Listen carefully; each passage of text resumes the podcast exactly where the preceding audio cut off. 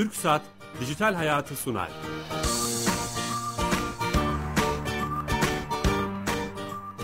Merhaba, Kenan Bölükbaş ve Ali Fuat Gülmez'in yapımcılığını, Sedat Karabel'in teknik yönetmenliğini, Bilal Eren'in danışmanlığını yaptığı teknoloji ve sosyal medya programı Dijital Hayat başlıyor.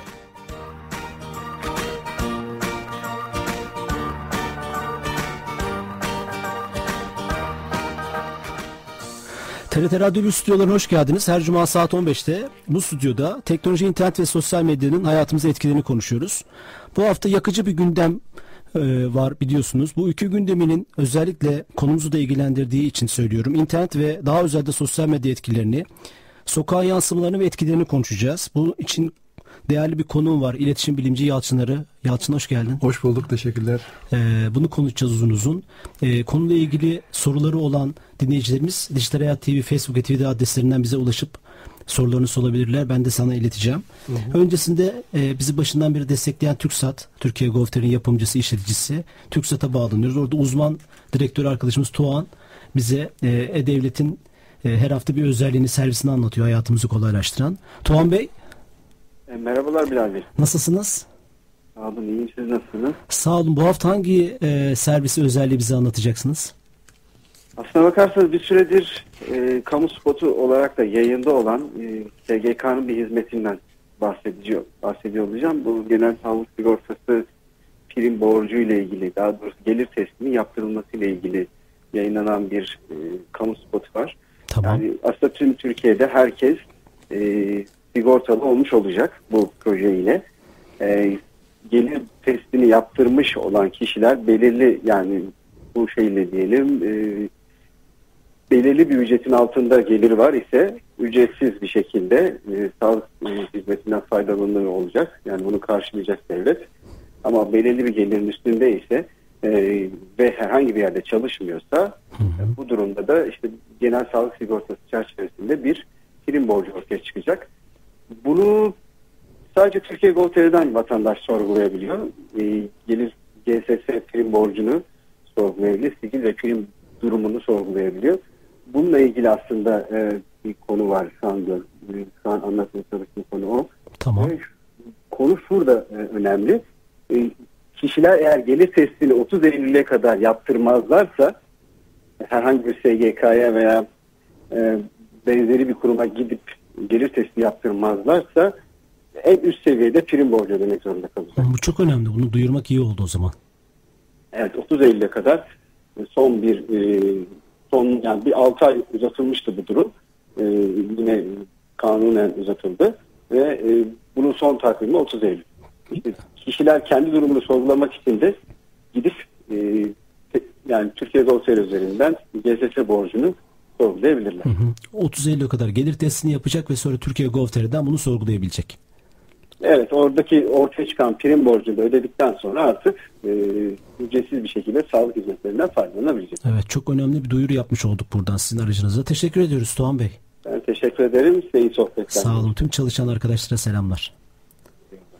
Ee, evet TürkSat'a da bağlandık. Türkiye Gov.tr'den bir özelliği, bir servisi dinlemiş olduk. Şimdi Yalçın'da konumuzu konuşacağız. Ee, acayip bir gündem var. Öncesinde ülkemizin başı sağ olsun. Hı hı, yani evet. PKK terörünü e, e, bu, bu mikrofonlardan e, lanetliyoruz. Hı hı. Artık bunun e, e, işte bugün de herhalde bir çaycı arkadaşımız, e, genç bir arkadaşımız vefat etmiş, şehit olmuş. Allah rahmet eylesin. Hı hı, e, ülke olarak burada bir birlik haline gelip e, bunu lanetlememiz ve bu konuda çalışmamız lazım. Herkes kendi yapacağı iş doğrultusunda.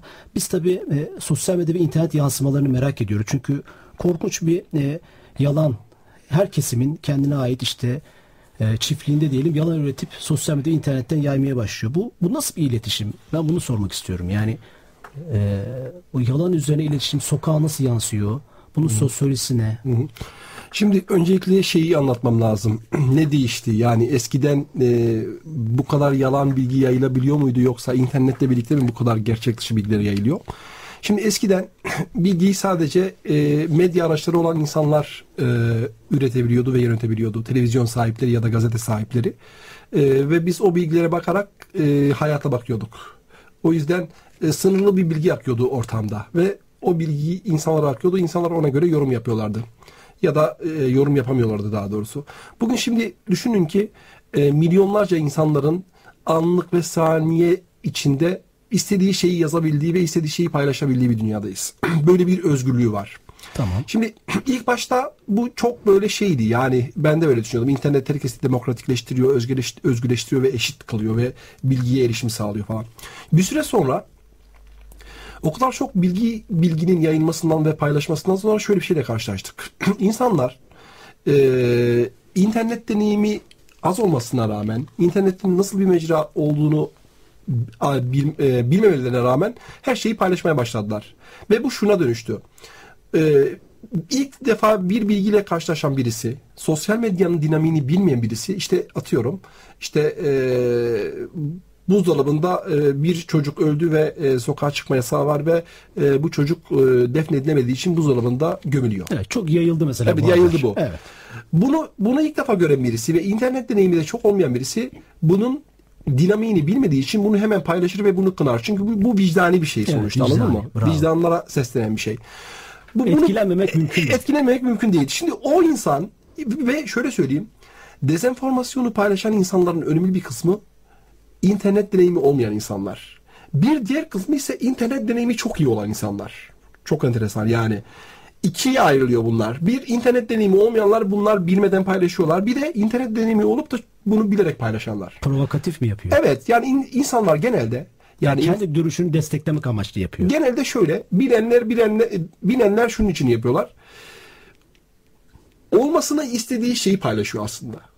Bir dezenformasyonu paylaşmanın amacı olmasını istediği şeyi paylaşmak aslında. Bilen insanların önemli bir kısmı bunun için yapıyor. Ben mesela kendi deneyimlerimde şunu görüyorum. Dezenformasyonu genelde geleneksel gazeteciler yapıyor. Ya da interneti çok iyi bilen politik bir görüşü olan ve politik görüşünü desteklemek için yapıyor bunu. Çok güzel bir tespit bu. Ve bunu yaptığında da ve bunun gerçek dışı bu bu gerçek dışı çıktığında da şunu söylüyorlar mesela. Bunu yapma potansiyeli zaten var.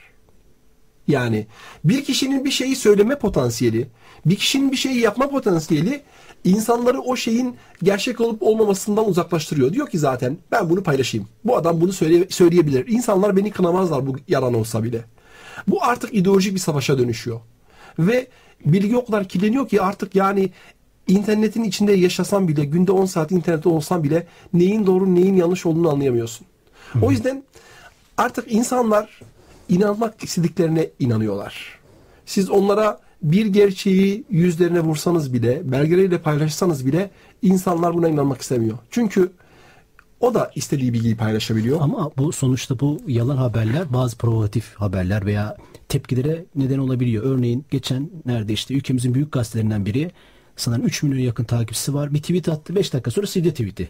Olabilir ama onun üzerine belki bir si, işte özür mesajı veya başka bir şey yazması gereken sildi. O onun üzerinden çe- çeşitli hareketler oldu işte. Binanın önüne gidildi, camlar kırıldı. Allah korusun başka şeyler de olabilirdi. Bunun ne olacak peki yani sorumluluğu veya e, sokağa yansıması oluyor aslında. Tabii e, Ciddi bir ben şekilde. şöyle söyleyeyim. İn- İnternetteki e, içeriklerin bence yarısından fazlası gerçek dışı. Anlık olarak paylaşılan içeriklerimiz. Şöyle bir örnek vereyim. Tekrar size ona sizin sorunuza geleyim. Bugün e, gündüz e, bir tweet gördüm. Taksim'de bir canlı bomba e, patladığına dair. Sonra e, search kısmında Taksim yazdım ve baktım yavaş yavaş böyle Yayılmaya e, yayılmaya başlıyor. Taksim'de bomba, bomba patladıktan sonra şöyle bir şey geldi. E, Taksim'de bomba patladı ve e, 11 polis yaralı, e, 10 tane de sivil vatandaş yaralı. Al işte sana. Evet. Sonrasında e, bir başkası üzerine başka bir şey ekleyerek polislerden iki tanesinin durumunun ağır olduğunu söyledi. Sonra bir haber sitesi alıp o Bunu tweet- haber yaptı. Bunu haber yaptı. Bakın bir gerçek dışı haber nasıl yayılıyor. Ve Ben ben bir örnek vereyim abi. Hı hı. Sözünü unutma. Estağfurullah. E, Erzincan'da e, bir dağ tepesinde bir haber portalı ve bunu destekleyen tweet adresleri uzaktan bir bayrak fotoğrafını IŞİD fotoğrafı olarak gösteriyor. IŞİD kampı olduğunu. Ben de gördüm ve tedirgin oldum. Yani bunun neden emniyet güçleri, kamu görevlileri bir şey yapmıyor? Bugün o bayrağın sahibi Facebook'tan açıklama yapıyor. Fenerbahçe bayrağı ben astım diye. Yani hani komedi de var biraz ama bu tabii etkileri ciddi olabilecek bir e, e, şey. Yani bunu nasıl peki e, Tabii etkileri çok ciddi oluyor çünkü e, insanlar bunun üzerinden kutuplaşıyorlar. Yani Evet, te- evet. temelde vicdanı yaralayacak içerikler paylaşılıyor ve insanları harekete geçiriyor. Mesela bugün yine işte Cizre'deki bu şey meselesinde Twitter paylaşımları yapıldı. Cuma yasağına gitmek yasak diye falan. Sonradan aslında böyle bir şeyin olmadığı ortaya çıktı. Dezenformasyonu yayan insanlar genelde değerlere vurmaya çalışıyor. Değerler üzerinden hareket ediyor. Yani değerler çünkü insanları karşı karşıya getirir ve hep bunu yapıyorlar bilerek. Çünkü e, insanlar şeye bakmıyor. Böyle bu haber gerçek olabilir mi acaba? Ani refleks. Herkes yeni bir şey duyduğunda onu ilk paylaşan olmak istiyor. Hmm. Onun internetin vermiş olduğu heyecan bilgiyi çek etmeyi de engelliyor. İnsanlar genelde hemen paylaşayım da bunu ben daha fazla retweet edeyim. Ya da benim içeriğimi daha fazla paylaşırsın.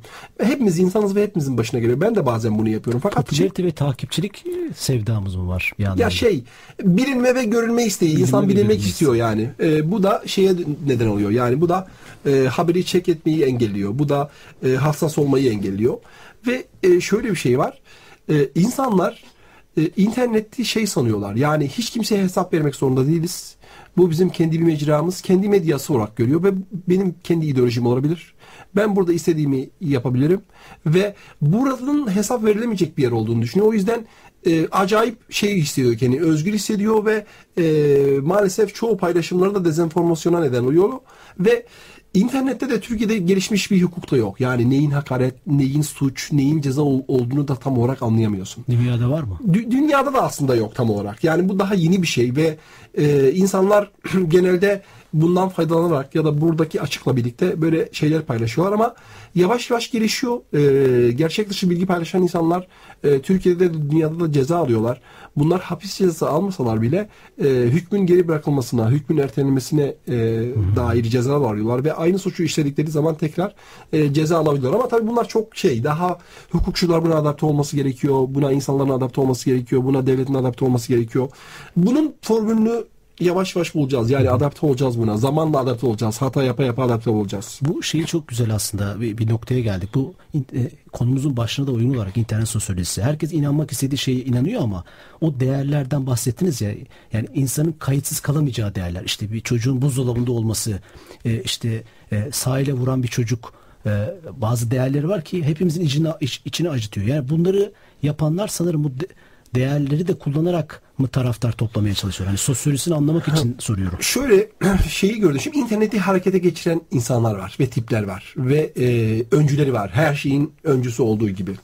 Her sosyal ağın bir dinamiği var. Mesela Facebook liselilerin e, harekete geçirdiği ve liseliler tarafından istila edilen bir mecra. Yani hepimiz Facebook'tayız ama orada dinamik dediğimiz bir şey var yani. Daha o, genç o, daha bir genç bir nesil var. var ve e, bu nesil e, bir haberin içeriğine çok bakmaz böyle e, genelde böyle yayılabilecek gerçek dışı bilgiler paylaşırlar. Ben mesela gelmeden baktım Facebook'a o kadar gerçek dışı bilgiler paylaşılıyor ki e, bağlamından koparılıp paylaşılıyor ki YouTube böyle daha farklı böyle. Sadece siyasi değil her alanda. Her alanda evet her alanda. Evet evet. E, e, ticaret her anlamda. Evet her her alanda böyle. E, Twitter daha başka. Twitter daha eğitim düzeyi daha yüksek insanların kullandığı bir mecra.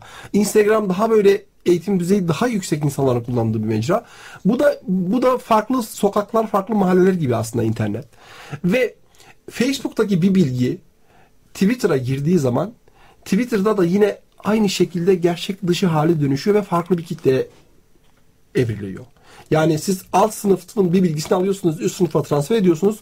Üst sınıf o bilgiyi hiç sorgulamadan gerçek dışı olduğunu bilmesine rağmen ya da bazı insanlar gerçek dışı olduğunu bilmiyor ama kendi işine yarıyor ve kendi ideolojisine uygun hale geliyor ve onu paylaşıyor. İnsanlar kötü bir bilgiyi gerçek olsalar bile kendi ideolojisine ters olursa eğer bunu paylaşmıyorlar. Hmm, evet, evet. Bu çok önemli. Yani insanlar e, şöyle bir şey olabilir. İnsanlar gerçekten her konuda vicdanlı ve kötü olduğu her şeyi paylaşıyor olsa bir, bir nebze buna anlam vereceksiniz. Ama insanlar kendi ideolojisine uygun olan ve oh evet bu zaten olacak dediği şeyi paylaşıyor ama onun ideolojisine ters olan bir şey gerçek olsa bile paylaşmıyor. Evet, bu da bir, çok ilginç evet, bir bu, bu da şuna neden oluyor. İnsanlar aslında sosyal medyayı yine kendi ideolojik ve kültürel değerlerine e, alet ediyorlar.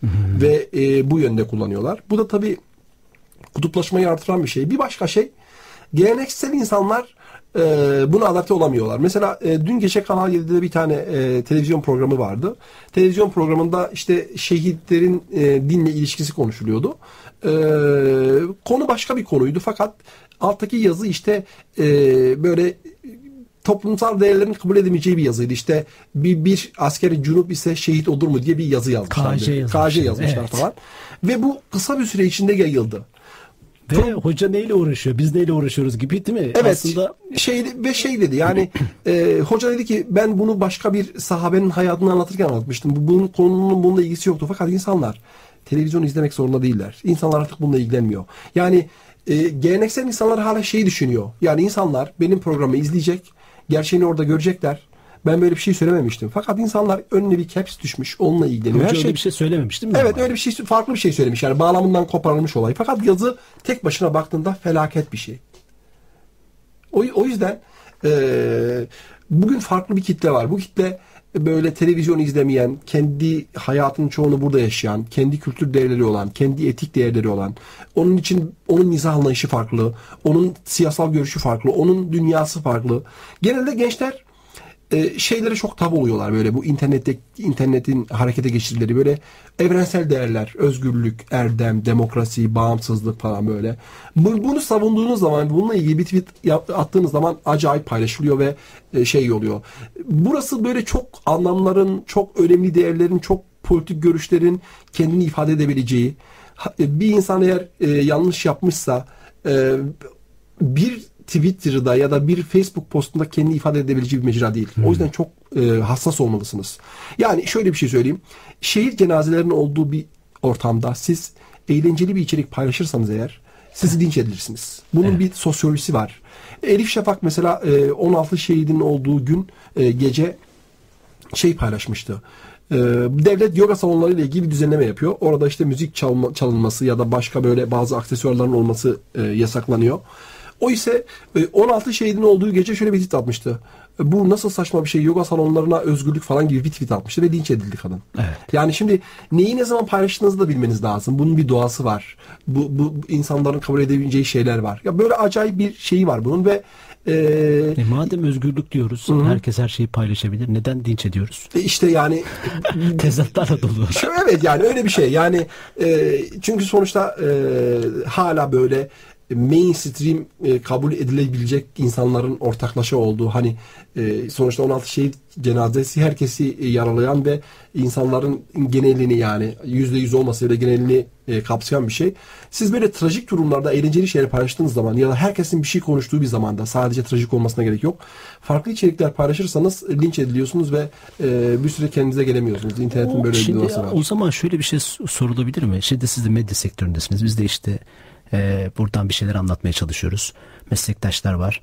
E, e, geleneksel medya diye ayırdığımız radyo, televizyon mesela bir basın ilkeleri e, iyi veya kötü bir ilkeler bütünü var. İnsanlar buna dikkat ediyor. Biz konuşurken dikkat ediyoruz. Yani oturmamızdan programı açış kapanışına kadar. Sosyal medyada böyle bir ilke e, e, ler bütünü yok ve hatta böyle bir ilke olduğu zaman da bir karşı çıkan kitle var. Sosyal medya ilkeler mi olur? İşte bunun bir manifestosu mu olur? Peki ne olacak yani bu dünyada da sanırım çok tartışılan bir şey. Evet. Ne olacak? Ee, bence şöyle şöyle olacak. De, insanlar e, deneyim sonucunda dezenformasyonların onların hayatını da negatife çevirdiğini ve etkilediğini görecekler. Ee, yalan bir bilginin ge- ge- geri geldiğinde ölümlere neden olduğu, insanları e, şiddete yönelttiği, insanları sokağa ittiğini görecekler. Sanalın sanalda kalmadığı, Evet, sokağa döndüğünü Görecekler. görecekler. Gör- Yani, evet, görecekler ve daha hassas olacaklar ve e, bir bilgiyi iki defa check edecekler. Ya da bir şeyle karşılaştıklarında ya bunu paylaşan hesabın diğer tweetlerine bakayım. ben. Yani insanoğlu bunu yaşayarak mı öğrenecek? evet bunu yaşayarak oynayacak. Yani Bu bu, çok bu- pahalı bir faturası olacak ama. Evet çok pahalı bir faturası olacak. Şimdi siz e, ilke koy, mesela geleneksel medyada ilkeler var. Gazetelerin ilkeleri var. Basın meslek ilkeleri. Siz bu mecraların bu ilkelere uyduğunu düşünüyor musunuz? Hayır. Çünkü insanlar genelde kaos ortamlarında ve kutuplaşma anlarında kendi ideolojik bagajlarına çekiliyorlar. Ve o refleksleri gösteriyorlar. Fakat sosyal medyada şöyle bir şansımız var. Yani şeyi hatırlıyorum ben Gezi'yi hatırlıyorum. Gezi'de böyle bir sürü dezenformasyon yaşanmıştı. İnsanların ölmeye başlamasıyla birlikte o dezenformasyonu paylaşan insanlar yavaş yavaş o dezenformasyonları çekmeye ve silmeye başladılar. Yeni bir dezenformasyon geldiğinde onun yalan olduğunu da paylaşmaya başladılar. Çünkü o e, çünkü o onun oturduğu semtte de kaos oluyor, dışarı çıkamıyor. Onun olduğu semtte de gaz atılıyor, dışarı çıkamıyor. Ona değmeye başladı. Ona değmeye başlıyor. Eyvallah. Evet, ona da değmeye başlıyor. Çünkü bu böyledir. Siz bir bir bir yalan gelip sizi vurur. Çünkü bu toplumda yaşıyorsunuz. E, ya da siz kendiniz gerçek dışı bir bilgiyi paylaştığınızda siz linç edileceksiniz ve daha hassas olmaya başlayacaksınız. Her insan sosyal medyada bir gün gerçek dışı bilgi paylaşacak. Önemli olan o bilgiyi düzeltmeye kalkışması ve o hatayı düzeltmesi. O hatayı düzelttiğinde onun ne kadar iyi bir şey olduğunu ve insanlar tarafından ne kadar pozitif karşılandığını görecektir. Sosyal medyada geri dönüşü olmayan bir yer değil. Yani siz bir hata yaptığınızda iki dakika sonra hatalı farkına vardığınızda insanlar sizi daha çok sevmeye ve takip etmeye başlıyor. Ama sürekli mesela bazı hesaplar var ben biliyorum. İsim vermeye gerek yok. İnsanlar o hesapların sürekli dezenformasyon paylaştığını bilirler. Ve bir süre sonra onların itibarları yok olur. Sosyal medyada gerçek dışı bilgiler paylaşan insanların ideolojik olarak birbirine benzetse bile diğer insanlar tarafından itibarı yok oluyor. Bir ömrü var. Evet bir ömrü var. Siz ömür boyu yalan haber paylaşamazsınız. Çünkü bir başkası o haberin gerçek dışı olduğunu bilecek ve onu sizin yüzünüze vuracak ve siz sürekli gerçek dışı yalan haberler paylaşan bir birisi haline geleceksiniz ve itibarınız yok olacak. Bir süre sonra kimse sizi takip etmemeye başlayacak. Siz bir fan yani şeyi söylüyorum. Sosyal medyada bile fanatik olan insanların uzun ömürleri yok. Hmm. İnsanlar aklı selimi, sağduyuyu, gerçek bilgileri bakın ideolojik olarak farklı olabilirsiniz ama gerçek bilgileri paylaştığınız zaman ya da aklı selim daha sakin olduğunuz zaman insanlar uzun vadede sizi takip edecek ve sizin sözünüzün bir değeri olacak. Radikaller sosyal medyada da bir süre sonra yok oluyorlar bence. Hmm. O zaman bütün bu söylenenlerden şunu çıkarabilir miyiz belki? Yani hukuk zaten arkadan geliyor. Kamu bir şey yapamıyor. Dünyada da bunun örnekleri var. Ee, müthiş bir etkili etkili etkileşim oluyor ve hızlı oluyor. E, fakat o basın ilkeleri de olmaz diyorsunuz. O zaman bu bu işin vicdani bir manifestosu mu olacak? Yani e, e, dijital ekosistemin, internetin, özelde de sosyal medyanın vicdanla baş başa mı kalacağız? Evet bu tamamen vicdan kuralları. Evet yani bu e, zaten insanın vicdanı e, ona iyi ya da kötüyü, e, doğruyu ya da yalanı söylemesi konusunda baskı yapar. Burada en iyi yol birincisi vicdan, ikincisi deneyim. İnsanlar piyasaya sürdükleri bir yalanın nasıl hayatları kararttığını, nasıl insanları işinden ettiğini, nasıl insanları e, çaresiz bıraktığını gördüğünde e, bunun faturasının e, vicdanlarda yaralıcı hale geldiğini gördüğünde zaten uzun süre bunu yapamayacaktır. Zaten eğer görevi bu olursa eğer o insan toplum tarafından dışlanacak ve kabul edilmeyecektir. Ben şuna inanıyorum. E, şu anda evet e, sosyal medya e, çok hızlı bir şekilde yalanları üretiyor ve e, bunları e, paylaşılır hale getiriyor. Ama e, zamanla e, insanlar gerçek dışı bilgileri paylaşmayı bırakacaklardır. E, ve çünkü e, gün geçtikçe şey oluyor. İnsanlar daha fazla deneyim sahibi oluyorlar internette. Deneyim ya, çok önemli. Evet, Bunu çok vurguladım. Evet. De, çünkü şöyle siz bir gerçek dışı bilgiyi paylaşan hesabı bile biliyorsunuz bir süre sonra deneyim sahibi olduğunuzda. Veya kimin neyi söyleyeceğini artık tahmin edebiliyorsunuz. Hangi mahallenin çocuğu bunu evet, söylüyor? Evet hangi mahallenin çocuğu bu nereden geldi falan bunu görebiliyorsunuz. O yüzden e, insanların gerçek dışı bilgi paylaşma şansı azalıyor artık. Çünkü bir gerçek dışı bilgi paylaştığında bir saniye sonra gün, günlük bir kullanıcı çok ünlü birisi birisini uyarıyor. Hey bu gerçek dışı bir bilgi. Ben e, bunu Google e, Image'dan e, search yaptım bu daha önce paylaşılmış bir fotoğraf. Bunu lütfen düzeltir misin? Ve altına yazıyor ama. Evet, evet, evet. A, ve onu evet. da siz görüyorsunuz yani evet, o duvarda. Aynen öyle. Evet. Diyen ki onu engelledi. Bir başkası. Bir başkası.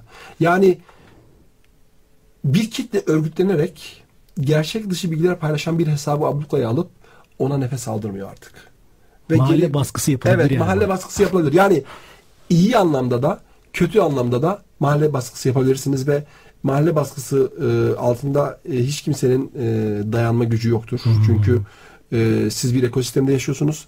O ekosistemde e, orada yaşayan insanlar size e, hayata katılmıyorsa çünkü bunlar çok fazla ve siz teksiniz. Hı hı. O yüzden doğrunun etrafında ne kadar çok insan örgütlenirse yanlış bilgilerin yaşama şansı yoktur. Eyvallah. Buradan o zaman şunu iletişime devam edeceğiz.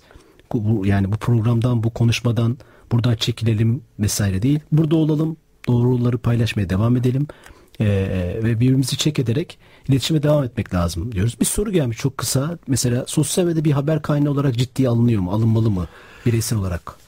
Şöyle e, sosyal medya bir haber kaynağı olarak tabii ki ciddiye alınmalı. Fakat e, dediğim gibi e, Aslında cevabını da vermiş olduk. bir Evet yani ciddiye alınmalı. Sadece çok dikkat edilmeli. Çünkü gün geçtikçe e, gerçek dışı haberlerin sayısı artıyor. İnsanlar bunu bir ideo- ideolojik araç olarak kullanıyorlar. e, kendi e, hedeflerine ulaşmak için. Ama e, bu ideolojik hedeflere, bu gerçek dışı bilgilere dünden daha fazla yakın değiller. Gün geçtikçe kan kaybediyor bunlar. Çünkü e, eskiden gerçek dışı bir haber 2 saatte ortaya çıkıyordu. Bugün sadece 2 dakikada ortaya çıkıyor. O yüzden yalan atan Eyvallah. insanların e, limiti, enerjisi gün geçtikçe bitecek. Eyvallah. Abi teşekkür ederim. Ben teşekkür Ağzına ediyorum. sağlık, ayağına sağlık. Buraya geldin. Çok güzel bilgiler verdin. Deneyim, vicdan özellikle bunlar önemliydi. Ee, sevgili dinleyiciler bizim önceki program kayıtlarımızı YouTube hesabımızdan ulaşabilirsiniz. Bunu çok soruyorlar bize. Dijital Hayat TV YouTube kanalından. Ee, ve bize hem soru, görüş ve önerilerinizi web sayfamız, Facebook sayfamız ve Twitter sayfamızdan iletebilirsiniz. Haftaya yeni konu ve konuklarla beraber olacağız. İyi hafta sonları, iyi günler.